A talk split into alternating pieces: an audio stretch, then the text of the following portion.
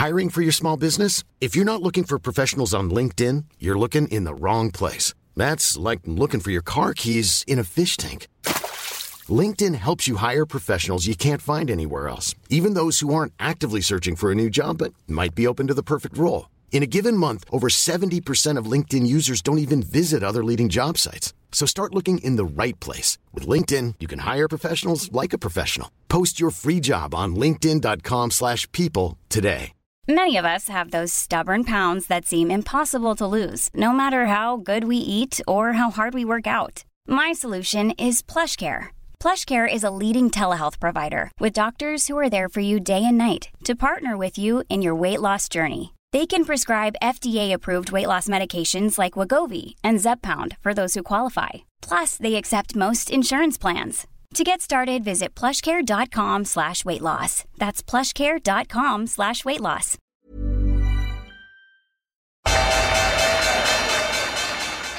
They mistook leverage for genius. Leverage for genius. I would recommend Japan. The governments don't rule the world. Goldman Sachs rules the world. Det er episode 241 av podkasten 'Tid er penger'. Eh, dessverre er jeg produsent, og i dag er det starter litt dystert. Jobber seg oppover mindre og mindre dystert. Så uh, geopolitikk og diverse tingenes tilstand, kraftkabler, skattelister, en del om framtida, muligheter i AI, litt løgn i AI osv. Denne episoden er presentert av Fixrate. Fixrate er et selskap som hjelper bedrifter å maksimere uh, renta på innskuddene de har i banken med vanlig bankrisiko.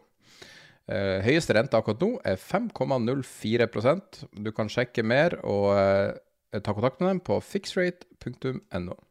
Dagens episode er også presentert av Dealflow. Dealflow er en markedsplass for eh, tidligfasebedrifter som skal hente penger, litt som en børs. Og akkurat nå er de i prosess med å hente penger til et selskap som heter Pharma Nordic. De eh, er i sluttføring av det, og hvis du har lyst til å lese om det og andre, de, det er seks selskaper som er i ferd med å hente penger, så kan du gå på dealflow.no. Dagens episode er også presentert av Otovo. Otovo er et norsk selskap som hjelper deg å få montert solcellepaneler på taket. Strømprisene er jo som du vet veldig høye nå, mens prisen på solceller er jo så lav som de har vært noensinne, og dramatisk mye lavere enn de var på samme tida i fjor. Eh, hvis du vil se hvordan huset ditt passer, så kan du gå på eh, otovo.no. Denne episoden er sponsa av IG, og hvis du har hørt på podkasten en stund, som mange har, så har du hørt IG mange ganger før.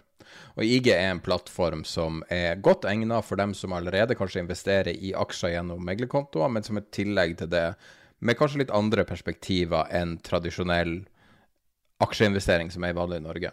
Og eh, det som du får med IG, som kanskje er litt spesielt her, er det vanvittige utvalget. Så gjennom CFD-kontrakter, Contract for Difference, så får du tilgang til de mest utrolige indeksene og eh, valutaparene, kryptovaluta, aksjer, råvarer, obligasjoner, ETF, alt mulig.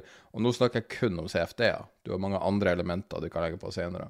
Så en typisk ting mange er interessert i, er å investere i volatilitet, og kjøpe VIX-indeksen.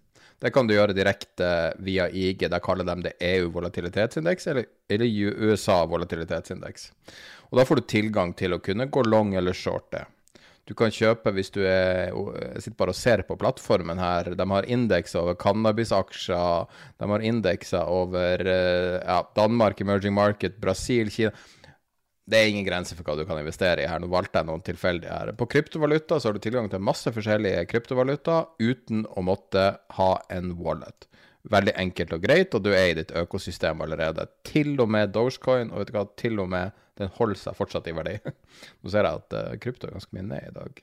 Men du har en uh, eh, 15-20 forskjellige kryptovalutaer som du har tilgang til via, via IG. Nå har jo bitcoin steget veldig mye i år, og mange ser på det som en mulighet. Hvis du har lyst til å bli kunde, så kan du se på ig.com no, og så kan du se på utvalget sjøl. Lag en konto, logg på.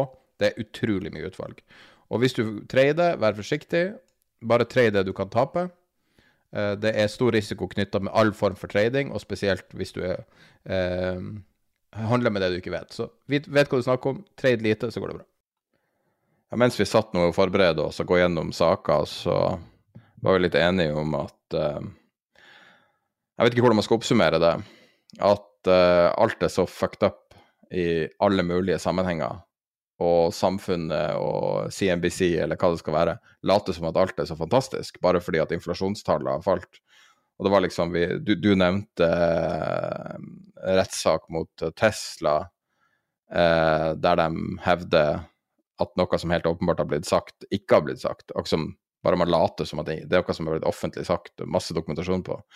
Og så var det et, um, en tale Donald Trump hadde i uh, forrige uke, der han åpenlyst henviser til at han er en trussel mot demokratiet i en tale. Noe som i utgangspunktet altså, Folk har mista kandidaturet til å bli president bare for å rope, liksom for å være litt for ivrig på scenen. Og han snakker åpenlyst om han er en trussel mot demokratiet, og så nevner du alle mulige kriger. Altså, det, det er rolig marked og rolig uke, og likevel så er det bare sånn Det er så beksvart hvis du bare skrur på Dagsrevyen, eller, eller hva det skal være, egentlig. Ja, det er egentlig et godt uh, poeng, akkurat det med, med Dagsrevyen. Men altså, jeg uh, Da jeg snakket om dette med, med konflikter, så refererte jeg til uh, den Armed Conflict Survey fra 2023. Som, som viser at væpnede konflikter, skråstrek kriger, altså definitivt er på vei opp. Altså, vi, vi vet jo de, de helt opplagte med med Ukraina og, og, Gaza, men konfliktene da i andre steder av verden. Uh, Afrika uh, Selvfølgelig det beltet uh, rett sør for, rett sør for Sahara. Et antall, altså det, det, et antall land der. og som vi vet, Frankrike har jo trukket seg ut fordi de nærmest ble stående og og, og, ta ansvar for sikkerheten i mange av disse, disse landene, og mistet, mistet, veldig mange mann i forbindelse med det, eller mange soldater i forbindelse med det, sikkert også kvinner. Um, og vi har det på den, vi har det gående. Uh, på den ene siden um, Janne Matlari i uh, Dagens Næringsliv i dag snakker om hvordan, uh, også hvordan kriger og, og konflikter Eh, endre, si, har, har, endret seg. Og akkurat som uh, Hamas-angrepet på Israel altså, Det var interessant, for det var en tidligere Israels forsvarsminister som sa at egentlig Hamas har brukt uh, våre metoder mot oss. Altså vår oppfinnsomhet og våre metoder når det gjelder, når det gjelder direkteaksjoner, var, uh, var, adoptert av, av Hamas og, og, og, brukt mot dem. Og det som kommer frem da i, i DN, da, som Matlari skriver, det er jo, det er jo at ja, hvis du f.eks. noen hundre væpnede uh, væpnede eh, soldater, altså i, i, da antageligvis tenkt i sivil, angriper en av hovedstedene, og så plutselig gjør et sånn sjokkangrep mot Altså ikke annonsert, ikke, ikke at man slåss seg over grenser, men plutselig dukker opp i London, Paris eller, eller hvilken som helst hovedstad og, og, gjør noe lignende av det som Hamas gjorde i, uh, i Israel, så er, så er, Vesten er ikke forberedt på, på, noe slikt i det hele tatt. Og så kan du si at etter min oppfatning så øker jo sannsynligheten med det Blant annet hvis, hvis du skal ta Gaza som et, eh, som et underlag, så øker jo sannsynligheten nettopp for at, at no, noe sånt eh, skjer, i og med at, at du har en hel befolkning som, som er som, som blir holdt skyldige eller delaktige for hva en militant gruppe gjør i, i Gaza. Tenk deg, Gaza er jo Det er vel mindre enn Oslo i, i areal. Um, og nesten to millioner mennesker. Og her driver man nesten og teppebomber området med et Nå er antall drepte kommet opp i 17 500. Det var 1200 israelere som ble drept. Og, og selvfølgelig, Israel, har absolutt rett til å forsvare sine egne borgere og forsvare sitt eget uh, territorie. Men her driver man helt nærmest udisk, disk, eh, eh, Hva heter det for noe? Udis, udiskriminert. Udiskriminert, jeez, det var vanskelig å si. Og, og, og bomber uh, og bombe Gaza med, med den følge at, altså, av de 17 500 som er drept der, så er jo en, en veldig, veldig, veldig høy prosent av sivilbefolkning som absolutt ikke hadde noe med, med det angrepet på, på Israel å gjøre. Og Vesten sitter og fordømmer det, i hvert fall noen. Og fordømmer da brudd på menneskerettighetene eh, verbalt, men ingen sanksjonerer noe mot dem. Og USA på den ene siden sier at nå må Israel besinne seg i forhold til å angripe sivile mål, samtidig som de selger dem øh, øh, våpen og ammunisjon og spesielt ammunisjon til, til, tanks. Det er jo Problemet her er at det er enorme lidelser, frustrasjon, fortvilelse, og ut av det så vil det helt sikkert komme Altså vi vil helt sikkert noen ha behov for hevn. Og, og man, man, kan forstå det. altså Når NRK viste i går en, en åtte år gammel eh, gutt som da blir skutt i hodet av israelske soldater, og som skyter på jeg tror det var tolv år gamle broren hans når han prøver å, å dra, dra, broren sin i, i sikkerhet, men bro, broren er allerede, er allerede, død, og vi ser en annen eh, ung gutt som, som, som, også blir drept av israelske soldater, som da begynner å ta bilde av han etterpå, av den døde kroppen. Det er klart at du får så Ut av det så får du ikke fred, for å si det på den måten. Så USA Altså Israel er en okkupasjonsmakt eh, på, på Vestbredden, tar stadig mer, og mer områder. 6800 palestinere har vært holdt i, i, israelske fengsler. Mange av dem uten lov og dom. Andre dømt etter en militær domstol, hvor ikke engang advokatene deres får se avisene, eh, unnskyld, får se bevisene. Det er klart at det, dukker, det blir en voldsom frustrasjon. De for øvrig det tallet på 6800 kommer fra eh, Israels egen Human Rights-organisasjon. Så dette er ikke noe som noe Hamas-propaganda. Det er klart at når man ikke Når man lar ting skli ut så mye som de gjør, så vil Altså, det er jo som man, man, sier med energi. Energi blir ikke borte, det bare tar en annen form. På et eller annet tidspunkt så Og jeg, jeg snakket om dette med, med Midtøsten og, og en spiralfjær. Det er bare så lenge du klarer å trykke en spiralfjær sammen.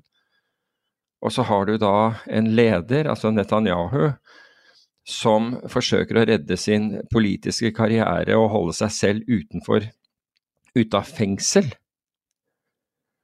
Og som tidligere forsvarsminister, unnskyld, eh, forsvarssjef Sverre Disen sa, problemet er at tilstrekkelig mange is israelere ikke ser at Netanyahu er en, er en egennyttig og skruppelløs politiker som fører Israel mot stupet. Og, og, og, dette Altså, med en gang du sier et eller annet om Israel, så blir du kritisert som som jødehater eller noe sånt. Jeg har overhodet ikke. Altså, jeg har jeg, holdt med Israel i, i, i, mange, i mange, situasjoner og, og, og, konflikter tidligere, men det Altså, vi Den kollektive dårlige samvittigheten som Vesten har som følge av holocaust, har blitt en unnskyldning nå for at Israel kan gjøre det samme. Fordi holocaust er, er eh, eh, når man destruerer og, og masse Altså og, dreper for fote. Det er jo akkurat det samme som nå Israel gjør mot, mot, uh, mot palestinerne. Og å tro at dette her skaper fred, når det da bare skaper altså, misnøye mot bl.a. den amerikanske håndteringen av, av, dette her. Og du, dette kan jo medføre en form for 9-11 down the road en, eller annen gang, rett og slett ut ifra det, som det som har skjedd nå. Kan jeg få lov å sitere en satirisk artikkel fra 2003? Ja, kom igjen. Når man skal spå framtida, så kan det være lurt å se på dem som har gjort det tidligere og truffet. Så i 2003, idet USA gikk inn i Irak, så publiserte den satiriske avisen The Onion, som skriver sånn tulleartikler, en, en uh, artikkel som hadde liksom sånn det, det, var sånn to stykker som skulle diskutere hva som skjer. Og så Han ene sida har kommet med vanvittig bra argumenter, den andre bare sier nei, du tar feil, alt er feil. Det var liksom det som var vitsen i det. Men i den artikkelen så var det en analyse som var bare helt enestående. Og da den, den, er ganske lang, så jeg bare leser avsnittet som er mest relevant.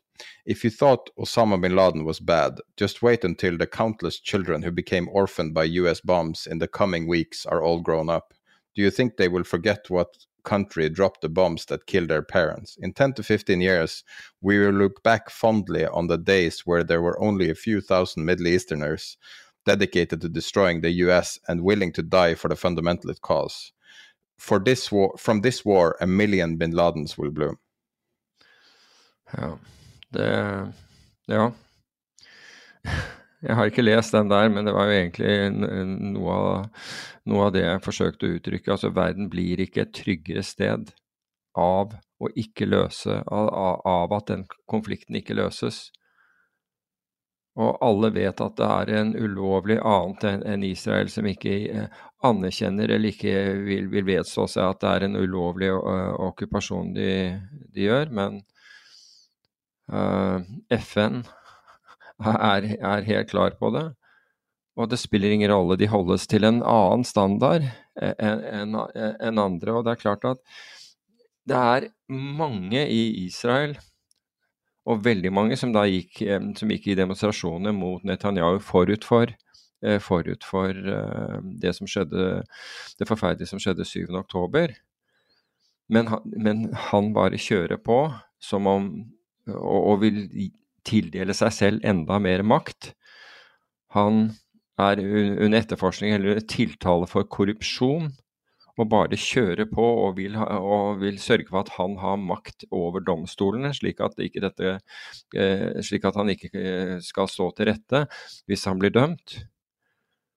Og dette setter da hele Israel i, i fare.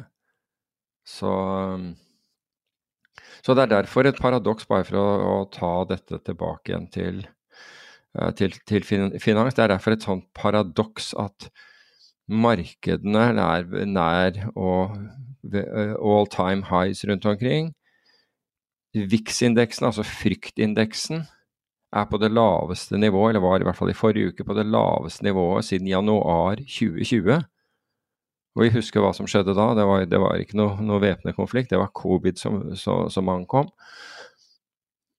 Det du kan si er i hvert fall hvis du skal se på det fra en investors ståsted, fordelen med det er, at, er nettopp at sikringsinstrumentet, hvis du ønsker å, å sikre deg mot, mot geopolitiske sjokk eller finansielt sjokk eller et eller annet slikt, så er, det, så er vi nå på det laveste nivået. Så får du, får du kjøpt forsikring på det laveste nivået på, på, på snart tre år.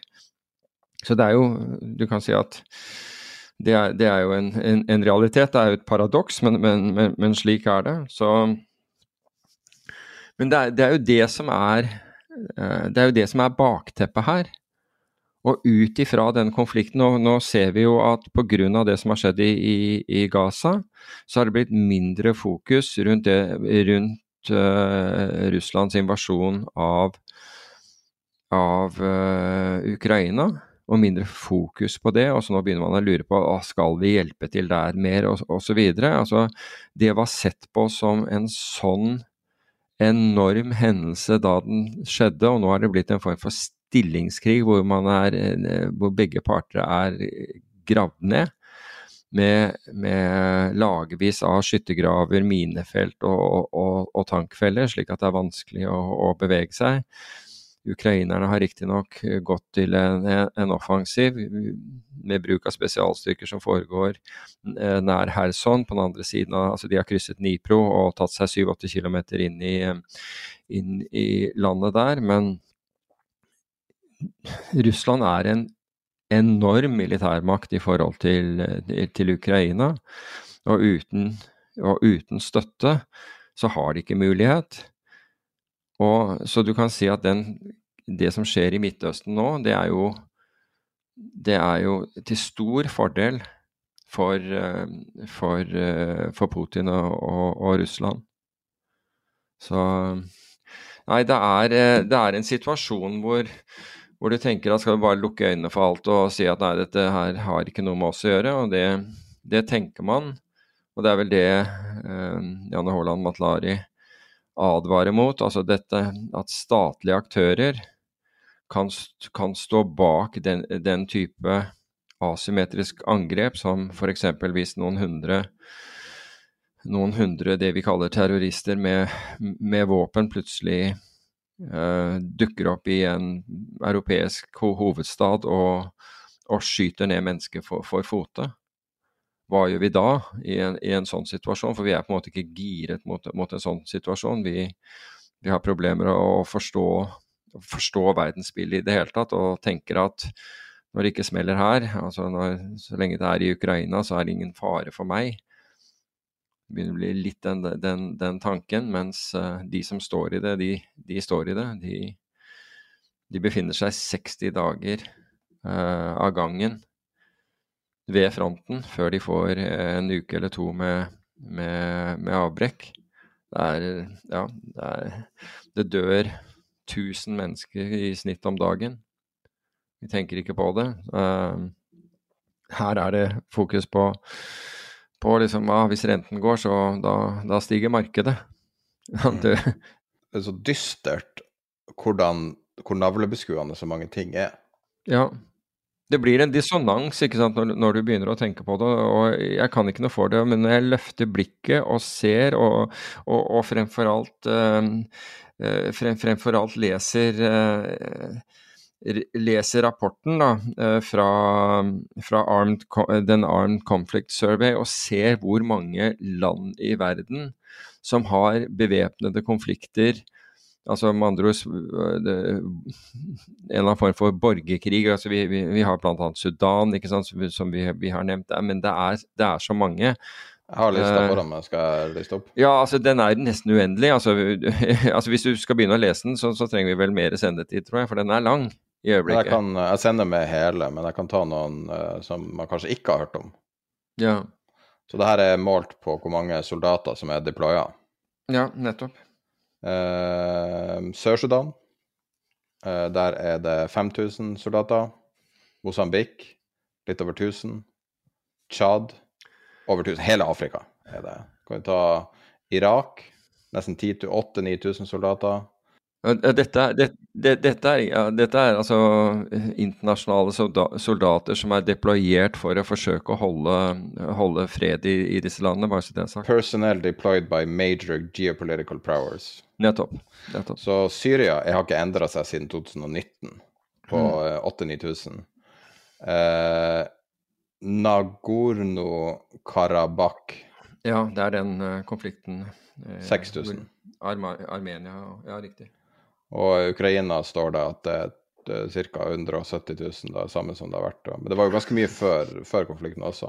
Mali, Burkina Faso, du har i, i Sør-Amerika, ikke sant. Du har uh, Altså det er konflikter Til og med Haiti er liksom Ja, altså, ikke sant. Det dukker opp overalt noe her. Og, og, og, når du ser det kartet, så ser du at det er omtrent halve jordkloden.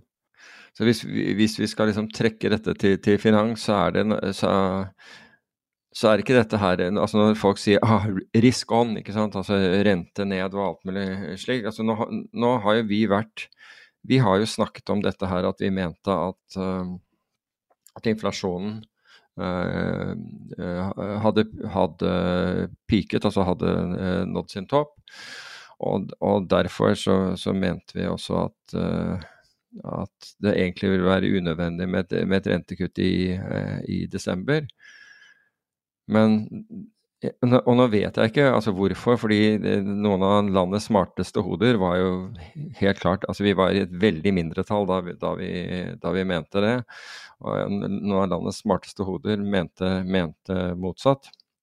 Og nå vet ikke jeg altså hvilke data de de la til grunn, men, men de er, de er, dette, er, dette, er, flinke folk. Men jeg må jo si at jeg var, var, var noe forbauset over det. Og, men det kan jo være at, Norge, at, man mente at Norges Bank preventivt sett vi ville, vi ville øke renten allikevel. Nå syns det å være en konsensus for at renten ikke blir, i hvert fall etter dagens inflasjonstall, at um, renten ikke vil bli økt uh, lenger, uh, eller økt videre. Det kan være, men jeg tror Norges Bank kommer til å være forsiktige her. Altså det, det, uh, det, det, tror jeg. Altså, det er ikke sånn at man begynner en voldsom sånn senking sykkel umiddelbart, men altså, det kan man jo gjerne håpe på sånn for, for næringslivets del og fordi Hvor var det jeg leste dette her? hvor, hvor at nå så man virkelig at dette her gikk utover, utover middelklassen.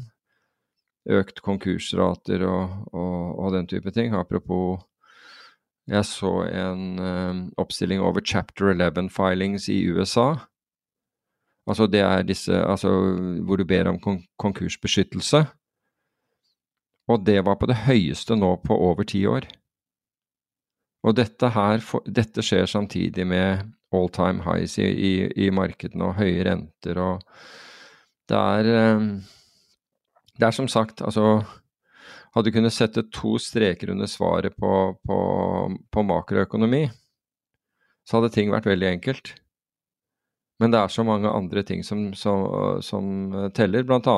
kortsiktige politiske gevinster og, og, og ting som kan så, som har en påvirkning. Da.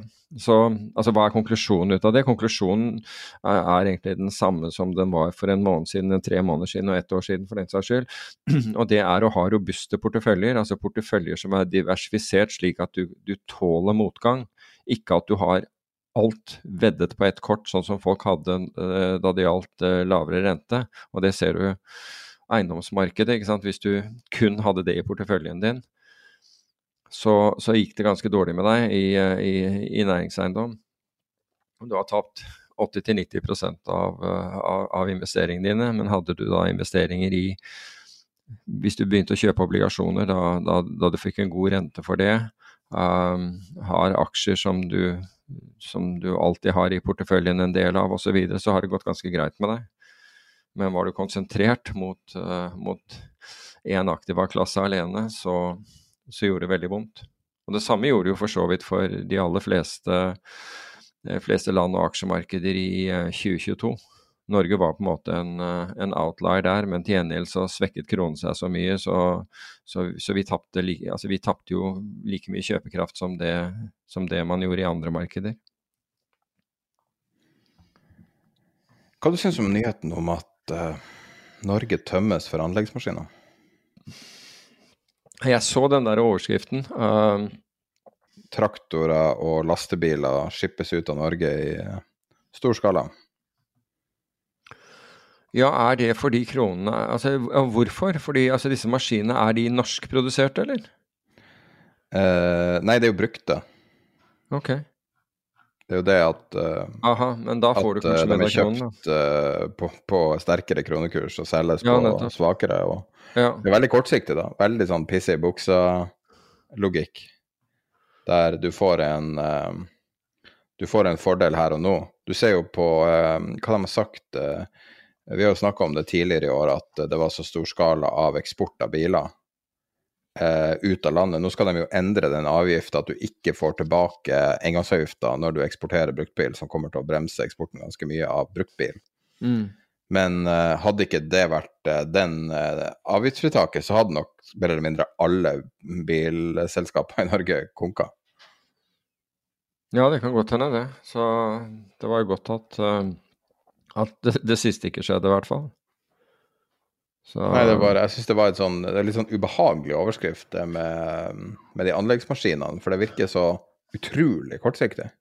Ja, men det er jo det er som jeg, jeg sa, at det, den altså fallende den fallende kursen på, på, norske kroner har gjort Norge eh, attraktiv på andre måter. Blant annet, jeg nevnte som polakker som dro til Norge for å feire, feire bryllup. Du hadde ikke sett den for deg. Hadde, hadde du kommet med det for noen år siden, så hadde folk ledd ikke og trodd det var en spøk. Men det er jo realiteten i dag. altså Du merker jo hvor himla dyrt alt er blitt når du skal, når du skal ut. Og apropos de lavere inflasjonstallene som vi fikk nå, altså sist uke så svekket vel kronen seg rundt 2 eller, eller, eller noe sånt nå, så eh, we're not out of the woods her, altså. Uh, på, ingen måte. Så det er, det er ikke som om uh, altså jeg, Dollar norske var vel Altså på det høyeste så var vel den 11,20, og så falt den ned til 10 noen og 50, hvis jeg ikke tar helt feil. Kanskje i overkant, altså rett, eller i hvert fall under 1060, for å så være oppe i 10 noen og 90 nå. Så det er eh, Jeg hørte noen, og husker jeg ikke hva det var, for jeg hørte på en, en podkast, og da var det snakk om da var, det, da var, det, snakk om krypto uh, som valuta, hvorpå For øvrig, nå vet jeg hvem det var, det var Steve Eisman i en, en annen sammenheng. Og eh, Steve Eisman fra Men Friend of the Pod. Uh, friend of the Pod, Steve Eisman, uh, som da ble spurt om, om, om, krypto som valuta. Og han sa at en valuta som kunne svinge 10-20 i, i året, er, er, ingen valuta. Den, Ingen vil ha den valutaen. Krona falt 33,7% fra bunnivået i 2021. Ja, det, eller eller fra toppnivå, toppnivå for kronen. Ja, det er nettopp, ikke sant. Og det, den er, kronen, altså i hvert fall mot dollar, er ned over 10% i år. Så det, med en gang, altså når, når, du bruker det argumentet mot krypto, så kan du begynne å se på hvilke valutaer som også faller innunder den normen. Og det er dessverre norske kroner også. Det viser jo også hvorfor, selv om de sier at inflasjonstallene er så bra. Liksom, nå får vi ingen rente, uh, renteoppsettelse. Mm. Men det er jo fortsatt skyhøy inflasjon, altså uh, i et vakuum. Ja. Og, og det her er jo nesten utelukkende. Grunnen til at Norge har så mye høyere enn alle andre, er jo for vi importerer så mye inflasjon. At 60% av maten kommer fra utlandet, og når vi har så svak krone, så blir det da direkte importert inflasjon. Nettopp. Altså sammenligna med et år siden, ikke sant. Og, da, og du kan si at da hjelper ikke, det hjelper ikke å sette opp norsk rente. Folk må ha mat. Så det hjelper ikke å sette opp norske renter, norske avgifter. Altså jeg, vil jo, jeg vil påstå at inflasjonen er mye høyere her i landet. Den, den, den observerte opp, uh, inflasjonen for, for gjennomsnittsbeboeren uh, i Norge, altså den som da går og handler uh, på Som handler kolonialvarer og og, og, og, og, kanskje ha bil og kjøre gjennom bomringer og, den type ting, den er jo mye høyere. Den er jo mye høyere. Og så Det hjelper ikke. Altså, myndighetene er ikke med på å, å holde dette her nede. Om noe så, så, så provoserer dette her ved et lønnsoppgjør, vil jeg tro. Fordi jeg er helt sikker på at når lønnsoppgjøret nå kommer, så blir, man, så blir arbeidstakerne bedt om å vise moderasjon, for ellers så må vi heve renten. Men nå har jo arbeidstakerne vist moderasjon de to siste årene hvor, hvor inflasjonen har vist seg å være veldig mye høyere enn det regjeringen fortalte at den skulle bli. Og du ser sånne, sånne ting som man hever eh, eh, bomavgiften med, med, med, med 13,5% altså Det er ikke sånn der, det følger ikke inflasjon, de bare tar så mye de kan. Og, men arbeidstakerne, de skal være moderate. De skal moderere seg. De skal gi fra seg stadig mer av, lønn, av lønnspakken sin til staten. Og når de har gjort det gjennom, gjennom avgiftene, så er, det, så er Skattene har økt på toppen av det hele. Uh, Formuesskatten har økt, slik at hvis du da har sparemidler, så beskattes det en gang til, ytterligere en gang, og, og den heves. Det er jo en Det er jo en, en sånn ond, ond spiral.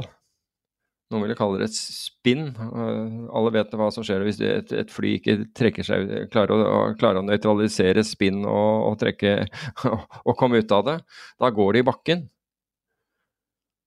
Så jeg, jeg, jeg, lurer på hvilke argumenter som i år, eller neste år, da, skal, um, skal fremføres for at, for at, folk skal vise moderasjon.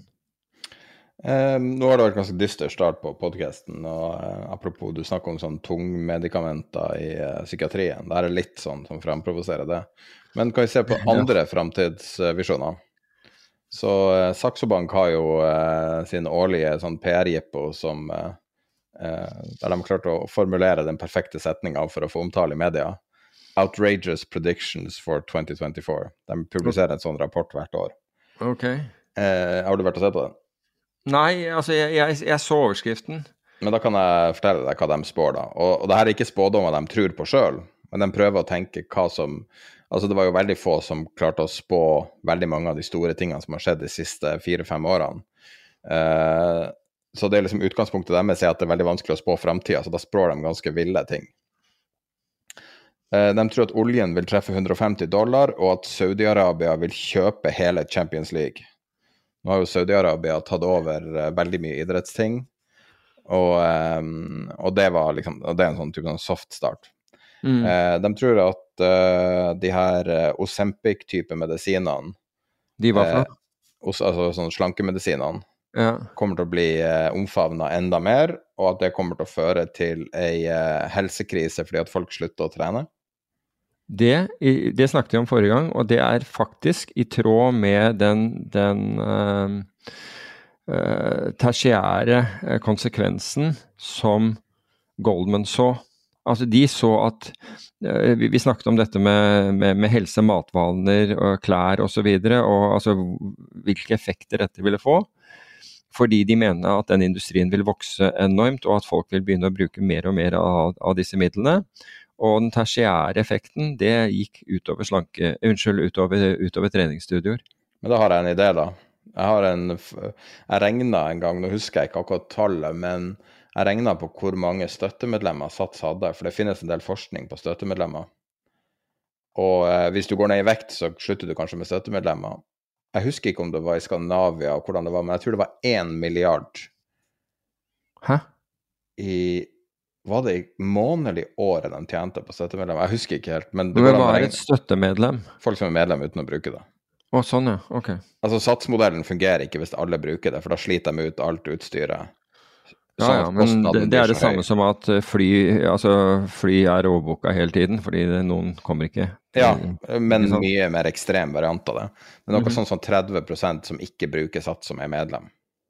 Og hvis man vil spare penger, så er jo det For å si det sånn, veldig mange rike mennesker er ikke med i Sats, for de bruker heller gjøre engangsinvestering på utstyr og har det hjemme fordi at det er sånn man gjør når man bygger formue. Da, ta, da er du ikke medlem av så mange ting, da tar du heller engangsinvesteringer. er ikke en engangsinvestering vet du, for tredemøller, som du vet, som min gjorde, den går jo til helvete. Jo da, men du kan jogge ute på veien. da. Det kan jeg gjøre. Det kan jeg gjøre. Absolutt. Og eh, du trenger ikke all verdens hjemme for å få det til å funke. Hvis noen vil ha en tredemølle gratis, så si ifra. Sats er børsnotert, og uh, jeg husker ikke når Sempic først kom, men Eh, siden starten av 2022 så er satsen ned 30% Men det har jo kommet seg ganske mye i år, da. Men jeg tenker jo, altså når det gjelder uh, treningsstudier og, og, særlig store kjeder som, uh, som, Sats, så vil de Altså de vil oppfatte rast, forhåpentlig raskt oppfatte sånne ting, og legge ting til rette. Altså de vil tilpasse seg. Altså tilby andre tjenester, finne på et eller annet slik at de De burde jo tilby sånn Osempic, altså sånne medisiner. Ja, det kan de vel ikke, fordi du, du, du, må, vel ha lege til det, må du ikke det? Ja, men ansette noen leger og begynne, å selge, og begynne å selge det ut på abonnement der, liksom. Ja, men, men, altså jeg tenker jo at treningssentre kan gjøre mye ut av seg. Det er alltid ting. altså For det første, jeg Altså det, det er mange som går på Altså de fleste går på treningssentre. Um, for, for, å komme i form osv., og, så videre, og, og av narsissistiske grunner. Um, slik jeg har oppfattet det, så er det ikke, så er det ikke veldig mange uh, kraftig overvektige, f.eks. På, på, på treningssenteret. De aller fleste er, er ikke det uh, som, som, går der. Så, så jeg tipper at, at, at, eh, Og jeg er temmelig sikker på altså Hadde jeg vært satt, så hadde jeg begynt å tenke alternativt allerede. Altså Kanskje dette her er en trussel, og i tilfelle, hvordan kan vi da, hva kan vi tilby som, som er attraktivt, gitt, gitt den situasjonen? Så jeg tror de løser det. Altså. Så jeg, jeg, jeg, ville være forsiktig med liksom å Jeg ville shortet de som, de som ikke skjønte det, for å si det på den måten. Neste spådom fra Saxo. Kom igjen. Eh, det her er en interessant en. Aldri hørt den før. Ettersom USA sitt uh, budsjettunderskudd uh, går over 10% av BNP, ja. så kommer kapitalismen til å ta slutt i USA, og de kommer til å innføre uh, skattefritak for, for inntekter for å kjøpe statsobligasjoner. På renteinntekter, med andre ord? At staten kommer til å låne penger av sine folk. Ikke den dummeste ideen, det der, altså. Nei, det var ikke noe dum i, i det hele tatt. Vil ikke si at den er helt Den, den, altså, den hadde i hvert fall boostet, uh, boostet lange renter hvis, hvis, man gjorde det. Altså, unnskyld, boostet lange obligasjoner, altså renten ned, obligasjoner opp. Her er jo en spådom som veldig mange har. Uh, det er nummer fire av åtte. Uh, generativ AI, altså sånn large language models, kommer til å lage en deepfake-krise som kommer til å bli en nasjonal, altså national security-krise. At når du så hva QAnon gjorde en periode i USA, så, så, tviler jeg ikke på at det er en trussel, altså det du nettopp nevnte. Det er, en, det er, det er nok det er, det er, mer sannsynlig enn usannsynlig at det kommer noe slikt nå. Uh, de, verst, de uh, landene med størst budsjettunderskudd slår seg sammen for å forhandle fram en New World Trade, altså New World Trade Terms. Mm. Den trenger jeg å tenke litt mer på. Ja, ja den er tricky å se hvordan. Uh, Robert F. Kennedy jr. vinner valget i USA. Ja, det vil i hvert fall være overraskende. Jeg er enig. Japans lucky 7% GDP growth rate for, forces BOJ to abandon yield curve control. Og at, at BOJ skal uh, forlate yield curve control, er ikke akkurat en outrageous spådom, da. Nei, jeg syns ikke det, og tatt i betraktning av at mye av den styrken som, som Yen har hatt i det siste, er jo at uh, de, kan finne på å sette opp rentene i, i Japan. Men den vil jo allikevel være himla langt under f.eks. dollarrenten. Så hvorfor det skulle liksom trigge japanske igjen, det, det, altså, det er jo bare for carry-traden blir mindre. Altså carry-traden ved at du, du, holder dollar, øh, låner igjen og holder øh, dollar. Så det er klart at hvis du har en voldsom giring på den, så kan det gjøre vondt. Det er jeg enig Og siste spådom, 8-8. Eh, da folk eh, skjønner hvor lite skatt Europas milliardærer faktisk betaler, innfører EU en wealth tax på 2% i hele EU, så sender sjokkbølger gjennom luksusindustrien, og LVMH, altså de som eier mesteparten av luksusmerkene, faller 40 mm. Kanskje ikke er så veldig umulig, det der heller. Nei, altså er det en sånn engangssak, eller hva er det de, de, de, i så fall tenker? Eller mener de en sånn årlig Mener jo ikke det. Det ville være voldsomt. Det er en lang avhandling her. Så. Ok. Eh, det var åtte spådommer fra Saxo. Ja, og noen av de eh, Det var ikke det at eh, noen av de var Syns jeg var absolutt innafor å ikke være outrageous outrageous type, type spådommer. Ser man på fremtidsrapporten til Schibsted, derimot, Uh, som, vi legger med begge linker til begge nyhetsbrevet som går ut med podkasten. Uh, eh, ser man på den rapporten, så handler en betydelig del av om den om uh, generativ AI. Så de virker å være all in på det. Oh, kult. For øvrig en, en interessant sak som, som, skjedde, tatt i betraktning at, at, Norge har jo, så vidt jeg vet, forsøkt å få, få folk, bl.a. for økonomiske forhold, utlevert fra fra Ja, de klarte vel, eller gjorde de ikke det, eller kom de frivillig? Uh, men fra UAE, altså United Arab Emirates, altså Dubai, Abu Dhabi og alle disse her, så klarte faktisk danskene det her for, for, et par uker siden. De fikk eh, en britisk hedgefondforvalter uh, utlevert til, til, Danmark. Jeg kan ikke huske at folk har blitt utlevert derfra tidligere, men de klarte å gjøre det en eller annen sånn Visstnok uh, anklaget for en eller annen form for sånn tax scam. Men uh, fra UAE til, til uh, ble satt på fly til København. Og tatt, tatt imot der av, av uh, lovens lange arm. Så det var en interessant sak. For øvrig, når vi så på jeg så på listen for forrige uke, så var den 60% rød. og altså med andre ord, Det negative var, var, var, i overvekt, altså ting som, som falt i verdi. og tatt i betraktning at vi er liksom i årets siste måned, så det, det, det er klart at et rally kan, kan fortsatt komme mot slutten av året, men det var litt sånn dårlig, dårlig utgangspunkt, syns jeg. Men, men, det som gikk bra, det var faktisk å, å lå på topp. Det var aksjer som Uh, som uh, er forbundet med å forbedre uh, blockchain. Så den ETF-en for, for, disse selskapene var opp 8,3 Den er opp 83 altså ti, ti ganger det, i, hittil i år. Så det kom Det var noen som sa at liksom alt det som er hevet mot, mot Altså krypto er, hadde liksom fått alt mot seg i utgangspunktet. Um, og eh, altså dette med FTX og alt det andre eh, som skjedde, og det til tross, så er det, liksom, så er det en best, best performing asset uh, der ute. Det er verdt å tenke over, syns jeg. Altså hvis jeg var hvis jeg var skikkelig negativ til krypto generelt, og det, er jo mange som, det var jo mange som, som ønsket å, å, hive seg på den, den bølgen, og så kom fallet osv. Og, så, og da var det jo helt opplagt at der skulle man aldri være. Men sitatet var 'Everything has been thrown at bitcoin and it's held up. Whether you like it or not, it's going to command a place in portfolios'. Hvorvidt det er riktig eller ikke, det siste, det vet jeg ikke, men, jo, men alt ble jo kasta mot det. Og, og, resultatet er at det er en av de best performing assets uh, i, i, 2023.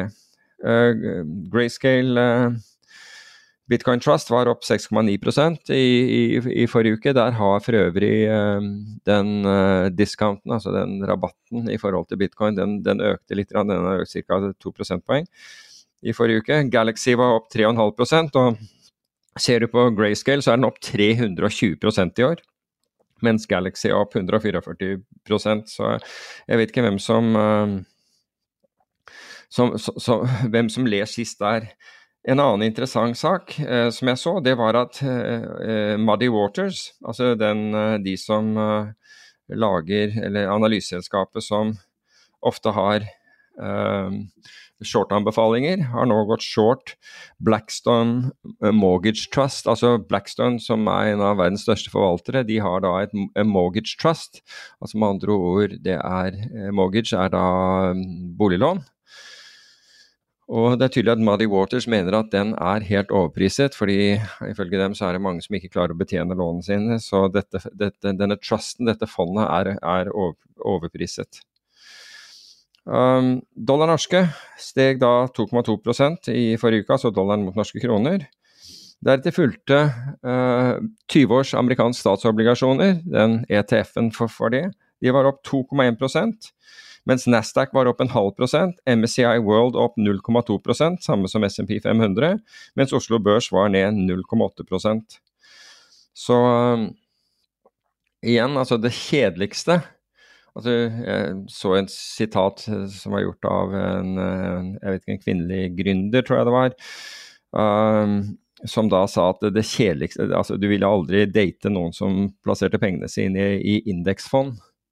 Og da går jeg ut fra at uh, en som har da kjøpt uh, statsobligasjoner, som da, som da, gikk fantastisk i både i, uh, de, de, siste månedene og i forrige uke, det lå jeg helt utelukket. Da, er, da, er fall, da, da, kan du, da kan du glemme å gå på sjekkeren.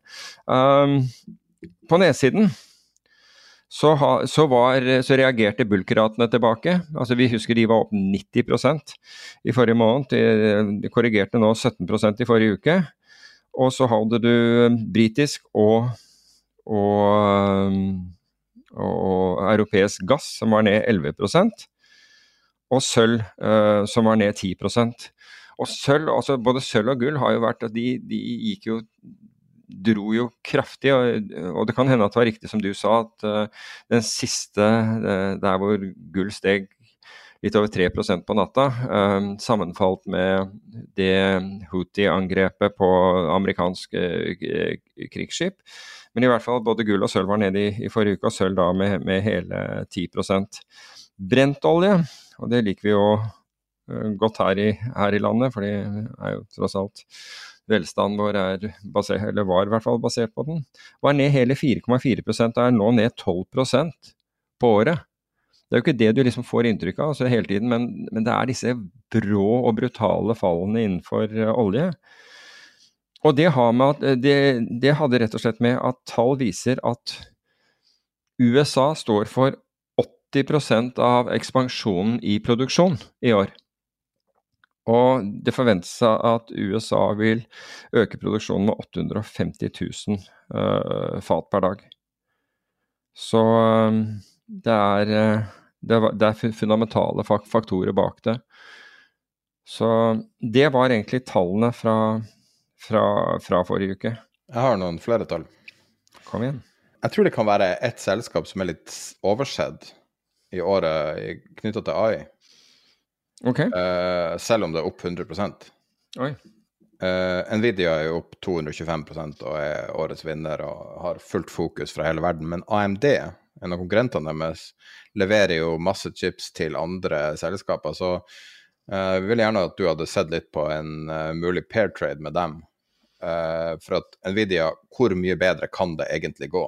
Med, mm. Tenk deg nå det der gamle Warren Buffett, at liksom underanalyzed og og uh, det var flere sånne begreper, jeg husker ikke hva det var, men basically oversedde aksjer.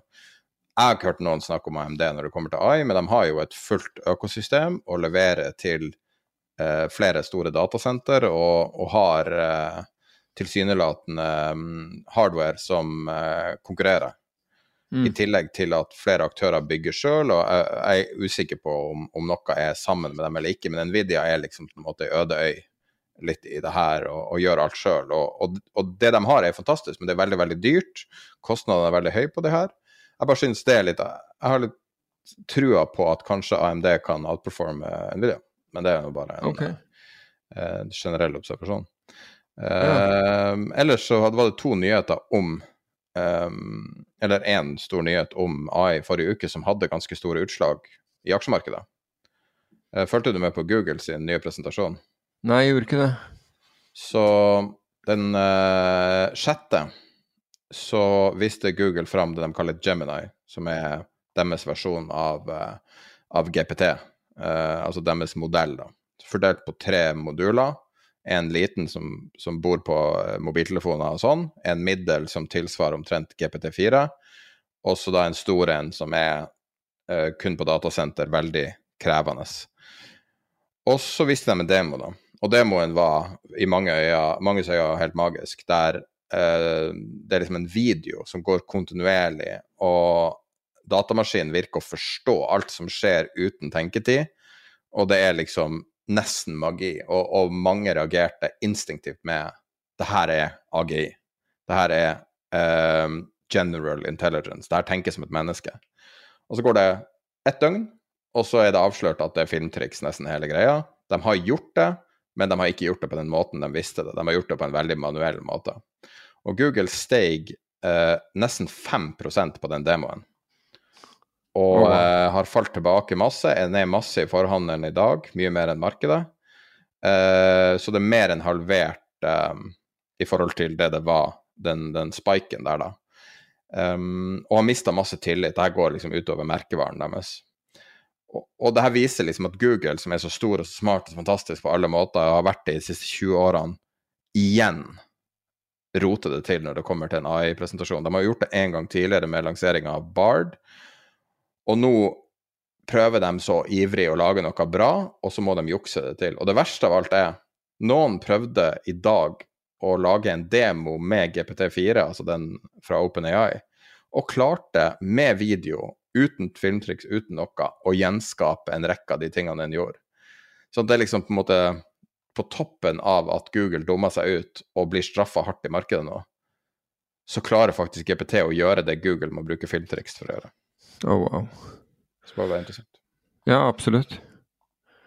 Det, det, går jo på troverdigheten løs, det der, vil jeg tro. Uh, kjedelig. Uh, du sa Betyr det at Google er nede i, i, i formarkedet òg, eller? Ja. 1,5 okay. som er okay. snitt. Mm. Men de er jo fortsatt opp med den lanseringa, men det er liksom sånn Altså, jeg har mista masse tillit til Google, og jeg tror mange andre har mista det også. Det er mye som går galt, og det er mye som er bare bløff, liksom. Det er mye som er luft. Mm. Ja, jeg er helt enig. Apropos det der å, eh, å, å, å miste tillit til, så, så, må jeg jo si at at i fjor så, så påsto politikerne som vedtok eh, disse utvidede kraftkablene, at årsaken til at vi hadde høye strømpriser, hadde ikke noe med det å gjøre. Det var de høye, eh, det, var de høye gassprisene. Så, Blant annet som følge av, eh, av uh, krigen i, i, Ukraina. Nå har vi da, Siste måneden så har da gassprisene falt med 16% mens strømprisene er opp 21% Og jeg vet hvorfor. Men det bare forteller altså, hvor ingen av disse politikerne som har stått der og, det, og, det, og det, Nå snakker vi ikke kun fra regjeringen. Høyre har hele tiden fremholdt det, det, samme. Det er ingen prissmitte osv. Nå har jo riktignok eh, finansministeren, Vedum, innrømmet at de som snak, sa at det ikke var, ville være prissmitte, tok feil. og Det syns jeg var Eh, stort han, rett og slett. Solid. Han, var, la ikke noe imellom, sa at de, de, tok, de, tok, feil. Men nå har vi et godt eksempel på det, og så hører du at det er ikke noe vind. Altså, der jeg bor, så har det blåst hatter i, i, den senere tiden. Så når du hører at liksom, det er årsaken også, så stemmer jo ikke det.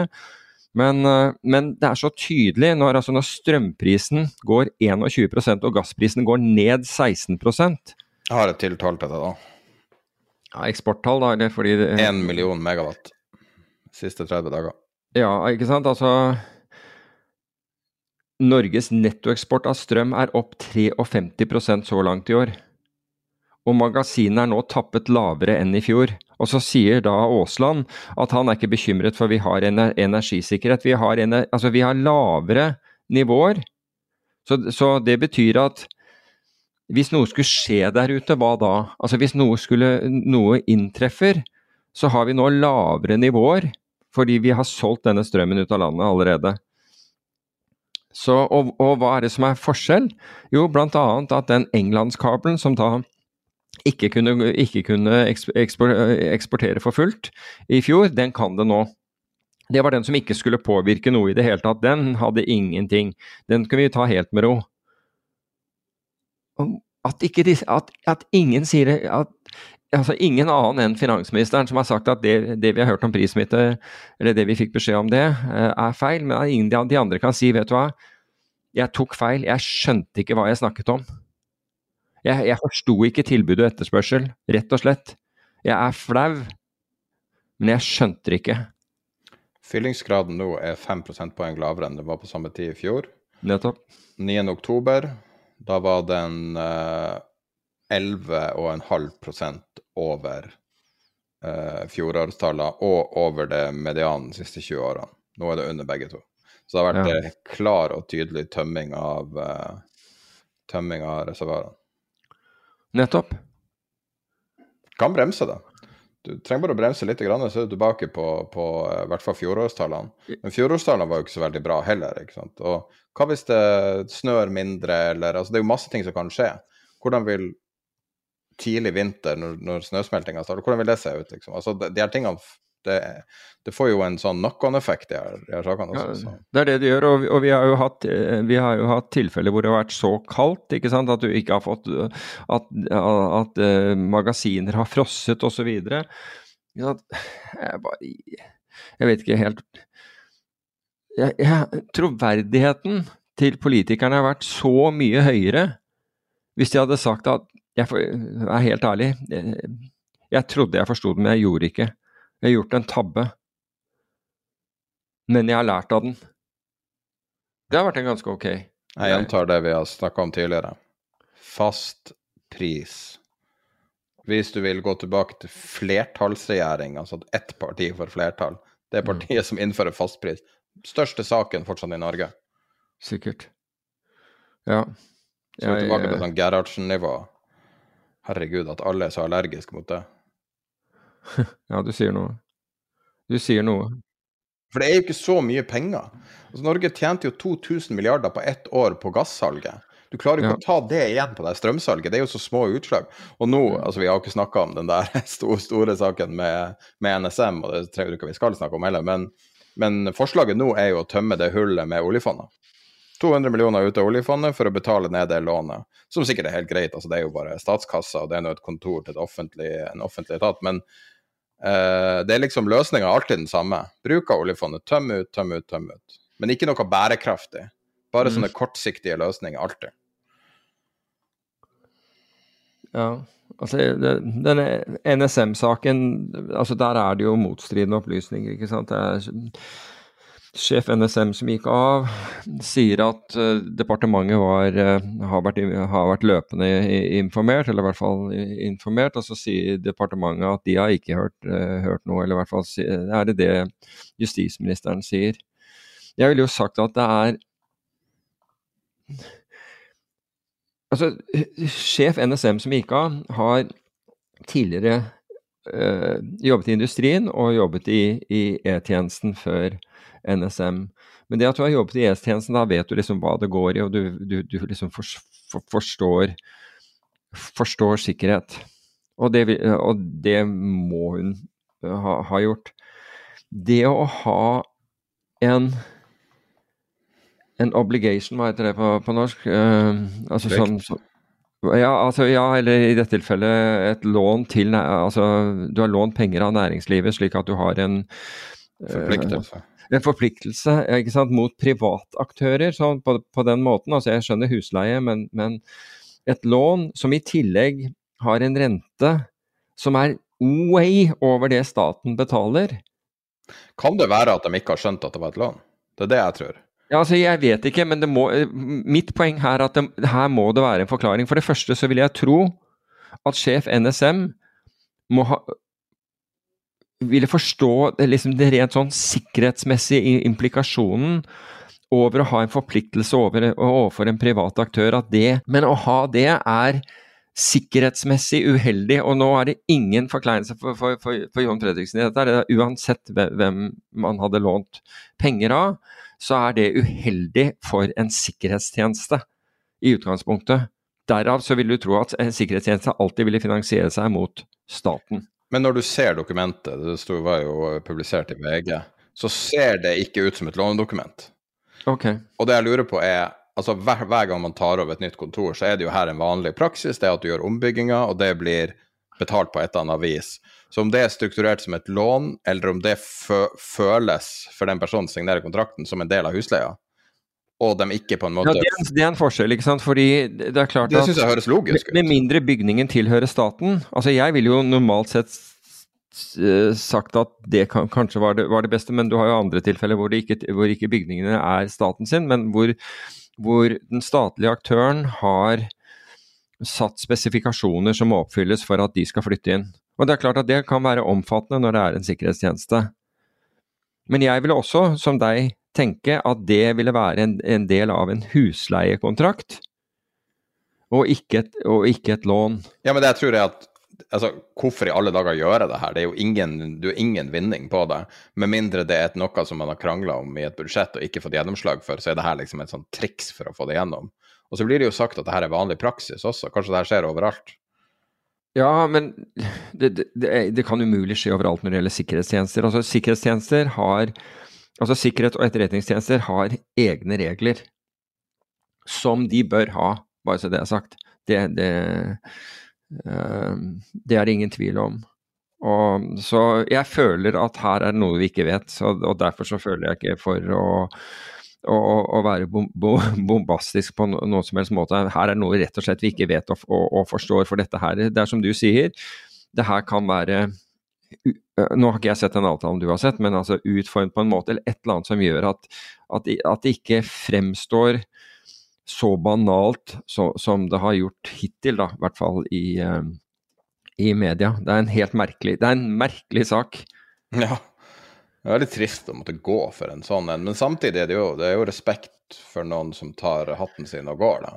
Ja, det er jo andre gang Sjøvold måtte jo gå fra, fra, ja, fra, PST for å ha oppbevart noen våpen som eh, enken til en kamerat hadde, hadde gitt til ham, og de hadde vært og tenk, altså de, de hadde vært da innelåst på i bygning, altså hos PST, altså i deres lokaler, som er av høy, høy sikkerhet, og vært i en safe der, og allikevel måtte han gå pga. disse, disse våpnene.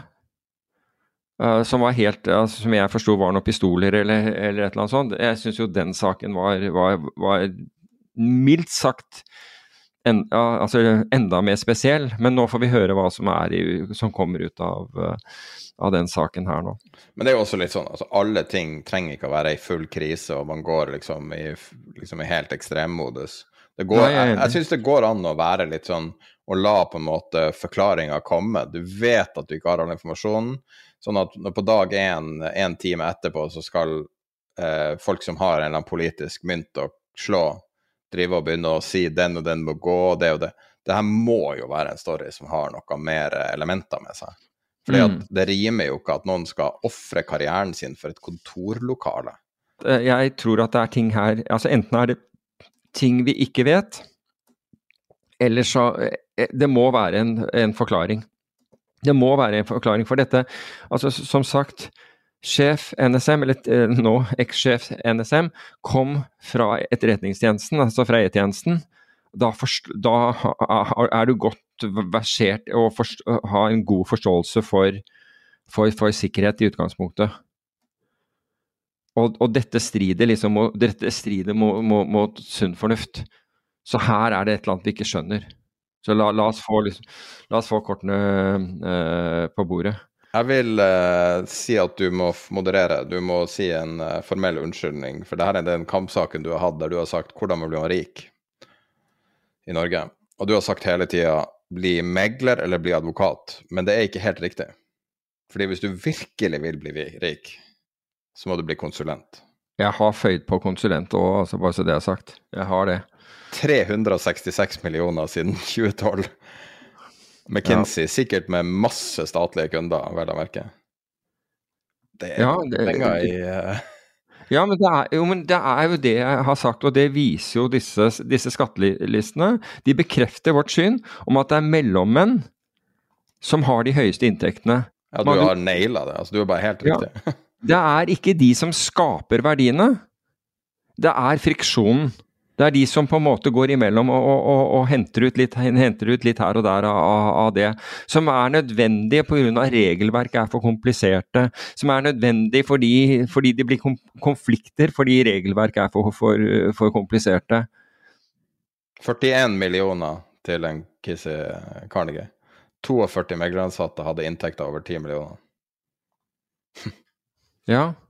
Det er mye penger. Og så er det ingen som reagerer på måten vi skal Men, vi, men det er gründerne vi skal, vi, vi skal liksom skattlegge. Det er gründerne som skal, som, som skal, på en måte kjøres i senk skattemessig. Det er, det er viktig. På en måte kan du jo si at sånne personer som tjener 42 millioner, eh, er jo på en måte en skatt nettopp på gründere. For hans jobb er jo å tilrettelegge for folk som har bygd bedrifter, skal på et eller annet vis kapitalisere det, altså få tilgang til finansmarkedene. Det, det er mitt poeng. De er friksjon. Han fungerer jo som en skatt. Ja. Ytterligere en skatt på gründere. Helt riktig, og det er det jeg mener med friksjon. Det er liksom, De, de, de, de drar ut av, ut av, det som skapes hele tiden. De tar, de tar av lasset, de tar av lasset, de tar av lasset. Når de da endelig har tatt alt de, kan av lasset, så kommer, da, så, så kommer staten inn og skal ha enda mer. Da skal de ha og, og, og du skal bli uglesett og hengt ut og, og, og liksom må, måtte flytte til Sveits. Det gir jo ingen mening. Altså, det, noen må begynne å tenke seg om her, altså i Næringsdepartementet og andre. si, du, er, dette her, er dette smart? At de som skaper verdiene i samfunnet vårt, de tvinger vi eh, ut av landet? Mens de høyeste inntektene hentes ut av, av mellommenn? Det gir jo ikke noe mening, det. Det gir jo ikke noe skaperglede. Altså, hvis, du, hvis, du, vokser opp i dag, hva, hva, hva skal du bli? Skal du, liksom, skal, du, skal du, ta sjansen på å starte en bedrift med alle de kostnadene som det er, og, og, og risikere å feile? Og, og, hvis du gjør det her i Norge, så er det ikke sånn at noen sier 'fanken, det var skikkelig bra deg å prøve'. Nei, da, da får du en forside i en avis, da hvis du har feilet, ikke sant. Så du blir stempla nord og ned. Hvorfor var du så dum at du prøvde? ja, da er du så dum at du prøvde, og det er vanskelig for deg å få jobb etterpå osv. Rett og slett. Hvorfor får du ikke en politisk jobb med masse verv? Er du en idiot? Ja, ikke sant? Hvorfor prøver du, liksom? Er det det vi vil ha? Og, så, og, og, og, og, greia er at når, når, du har flyttet ut nok av disse menneskene, altså de som skaper, så flytter jo hele så mellommannsapparatet etter. For jeg ikke med noen rett før vi starta podkasten som sa at veldig masse av kundene deres hadde flytta til Sveits. Ja. At de begynte å fakturere til Sveits i stedet. Ja, ja. Og, jeg, og, folk har flyttet andre steder også, men jeg tør ikke å si Det var en som sa til meg at det er billigere her, og jeg, jeg, skal ikke Du kjenner vedkommende, vi, tror vi også vi har hatt vedkommende på, på, på podkast, men ikke, ikke gjett, fordi eh, det er bedre å vite om det. det. ok. Men vedkommende sier jo at det der landet, altså det er, eh, det er, det er billigere enn Sveits. Veldig mange plasser er billigere enn Sveits. Det er en så rar ja. trend at alle skal flytte til Sveits. Men billigere og så skattemessig bedre og, og, og Ja, men det er jo veldig dyrt å like... bo i Sveits. Altså, det er jo ja, det... ekstremt høye kostnader med å bo der. Ja. så... Jeg tror det ja, I hvert fall når du kommer fra Norge hvor, hvor krona detter hele tiden, så er det klart at det, at det blir ikke bedre av det. Tenk deg den gevinsten folk har hatt med bitcoin, også, siden det er en dollaresset på toppen av alt. Mm. Du, Apropos, kan jeg bare gå, gå tilbake til, fordi jeg glemte ett et lite poeng når det gjaldt det der vi, vi nettopp snakket om når det gjaldt uh, strømpriser og, og, dette med gass. Og uh, vi uh, jeg, jeg, tror vi kalte jo den der, det som skjedde i, med, med finske kraftmarkedet, altså da det gikk 500 euro per megawatt i negativ, altså minus 500 per, per, per, eh, per megawatt. Så kalte vi det Black Friday. Og, men her har jeg lyst til å For de, for de som ikke forsto hva som skjedde, altså hvis ikke vi var flinke nok til å, å forklare det, så hørte jeg en, en excellent uh, uh podkast som heter Montels Weekly Podcast. Og den har fått den samme tittelen som vi brukte, Black Friday. Den forklarer den forklarer dette her. For jeg det er tydelig, og mye basert på spørsmål som, eh, som, vi får, at folk har fortsatt ikke helt forstått hva, hva helt hva som, hva som, skjedde der. Um, nå, nå, skal det sies at Jeg linker til den podkasten i nyhetsbrevet. Altså. Ja, gjør det. fordi den, jeg syns den, den, var utrolig bra uh, til å forklare hva som hadde skjedd. Og her er det bl.a. en finsk uh, som, som snakker da finsk-svensk, så, så, man skjønner det. Altså det er aktører som forteller dette fra markedets ståsted til eh, Montel er jo et nyhetsbyrå eh, innenfor, innenfor, eh, innenfor, kraft. Men den var veldig bra, den, den, den episoden, syns jeg. Da kan vi kanskje runde av med et klipp fra et intervju vi hadde forrige uke med en bonafide global finanskjendis, Steve Eisman. Men du kanskje ikke har hørt navnet Steve Eisman før, men du har nesten jeg vil si 70 sannsynlig sett han eh, gjen, gjengitt i en film. I eh, filmen eh, The Big Short så er det han som er en av hovedkarakterene som driver da det fondet som heter Frontpoint, spilt av Steve Carell. Og uh, han ble jo veldig veldig kjent pga. boka, og at han vedda um, på at det skulle gå galt med det amerikanske eiendomsmarkedet i 2008. Og um, på en måte foreviga seg som en karakter. Og eh, eh, jeg tenkte vi kunne avslutte denne episoden med et utdrag fra det intervjuet. Hele intervjuet er selvfølgelig på Patron, som alltid. Patron.com skråstrek ti deg penger. Eh, hvis du er der, så kan du også høre alle episodene uten reklame og promo og alt mulig, i tillegg til vi har masse intervjuer bak der som du kan gå og høre på. Kan jeg bare komme med en, en siste setning før, uh, før Steve Eisman tar over? Og den er fra Charlie Munger, uh, may he rest in peace, som sa Those who keep learning will keep rising in life. Nyt Steve Eisman. Do you feel that they got it right? I, have heard people talk about uh, this movie and other very good finance movies saying that they got the finance right. It kind of felt like that, no? Oh, they definitely got the finance right. Definitely. So, uh, beginning, like how what was your your point of view in 2006 2007 when if if I'm I'm gathering by you it's correct and you got a wrong call and you get a meeting with a Deutsche Bank uh, representative? How how what was your position on markets then? What were you investing in then? Well we were just doing equities and we had a very negative i mean our thesis about what was going to happen to the housing market and subprime loans and maybe the financial system we already thought. But we were only expressing it through uh, stocks. and we were short a whole bunch of subprime originators. And the problem we were having was that most of them they weren't very large companies. The stocks were not the most liquid stocks in the world. They were very, very heavily shorted. The cost to borrow to short stocks was huge. And it was frustrating. We were getting whipsawed a lot by short covering. Um, like I said, the cost of borrow was staggering. Um, and so we were looking for an alternative. And we realized we were going to have to short subprime paper, but we didn't know how because we'd never done anything in fixed income before. And then we got that cold call. It was like a miracle. It's like, hey, did Santa Claus did Santa Claus get me Christmas present early? Uh, you know what? What he he came presenting what was what I was going to look for.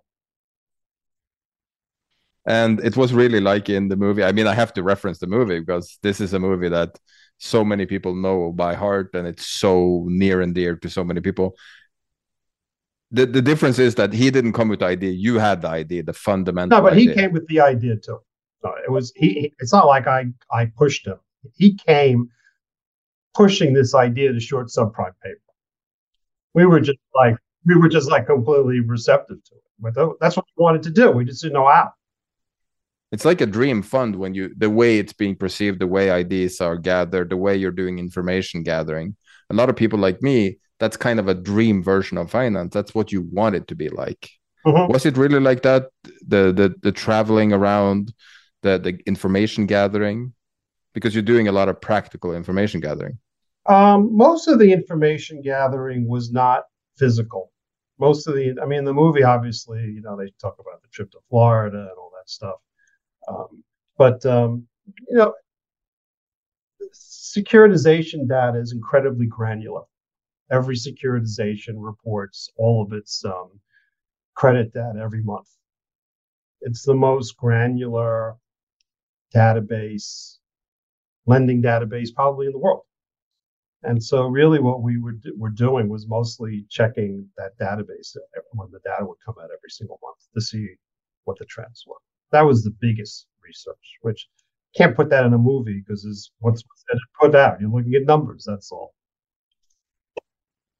So um, once you set up the trade, it's kind of unusual because you have all these markets that don't necessarily function as regular markets. And when you look at CDS prices, like they didn't really reflect the deteriorating situation, what was happening underneath. Uh, and eventually, um, and eventually the banks moved on it. Like, how did you, um, how did you function with these almost artificial prices? How did you react to it? How did you uh, square it? I guess. Well, I, I, you know in the movie, um, what's his name, Burry, he actually put the train on a lot earlier than me. So his frustration levels were much higher than mine. We only started doing this in probably October of 2006. So the time, you know, from the end October of 2006 to the end of 2006, nothing happened. And then there was the securitization conference in January that they show in the movie in Vegas. And then prices started to decline pretty quickly after that. And then they, so that was great. And then they rallied in March and April because the data actually, while it continued to get worse, got worse at a slower pace. And a lot of people concluded the worst was over. And what they hadn't really thought about was that it was just tax refund season. So people had some more money to pay some of their loans. That's when we really put on a bigger position when the market actually. Oh, really? You levered up? We levered it up more. Oh. A lot. How big was the trade? It's called the Big Short. I don't know if it's your. We've had uh, Pellegrini on, um, and uh, I mean, many people claim to be the originator of the Big Short. And I don't make that claim. How big was it? Your your shirt in, well, in size? I think it was like seven hundred million dollars. We were a small hedge fund. Yeah. And how how did your uh, year end up or years? What was one the return? fund ended up that year like I can't fifty percent. The other one ended up like seventy, something like yeah. that.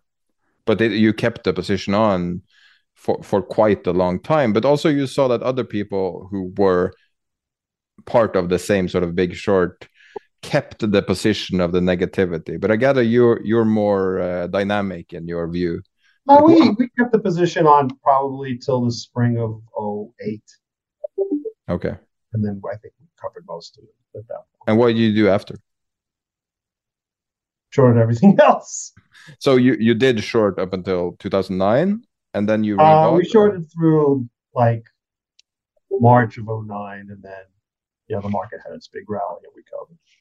That's very interesting because a person like Paulson, for instance, he kept his bearish position for for a number of years and to his detriment. How how did you manage to do the flip mentally?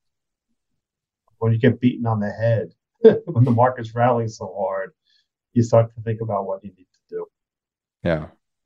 Uh, incredibly, it takes incredible drive because a lot of people who are prone to being short, who I, some people assume that about you. I don't know if that's true, but uh, to do a, a, flip has to be mentally and physically, uh, mentally and uh, psychologically hard. No, it is hard. It's very hard to make a flip. Very difficult. A lot of sleepless nights. By the way, did you know that uh, the intro to our podcast? Of course, you don't know this, but rhetorically, uh, you're in the intro. Really? I think your quote is probably the best quote ever in finance. Which, it's up uh, there with the Jesse Livermore quotes and all this, and it's they mistook leverage for genius. I that was a good one. Can you talk about a little bit like what it was like? Like you mentioned the conference when you uh, you were in Vegas and you met uh, one of the CDO CDO managers is it portrayed accurately? And and what do you think about people who were that, that, that conversation was not a, a lot of the dialogue took place in my own head. It was really I was just asking. It was a very polite conversation. I was just trying to understand what he was all about. Um, I didn't criticize him to his face. No, okay you're known for your temper. I mean, I've heard your yes. your wife has been quoted as talking about your rudeness, and I, I, I feel that you've always come across so so soft spoken and so gentle in interviews that I. Oh, back then I was extremely angry. Very. Does that help or hurt you in the markets? It is what it is. So markets today are very different. We've had 13 years of quantitative easing uh, we've had a few flush outs in different sectors. Rates are going uh, every which way now. Right. And um, personally, I'm having kind of a hard time squaring up like where we are now. What do you think about uh, the current state of things? You know, it's a kind of a situation of stuff that nobody has seen before, which you're sort of intimating. Um, I would have thought at this point, given how much all the various Federal Reserves have increased interest rates, that we'd have a global recession. And we don't.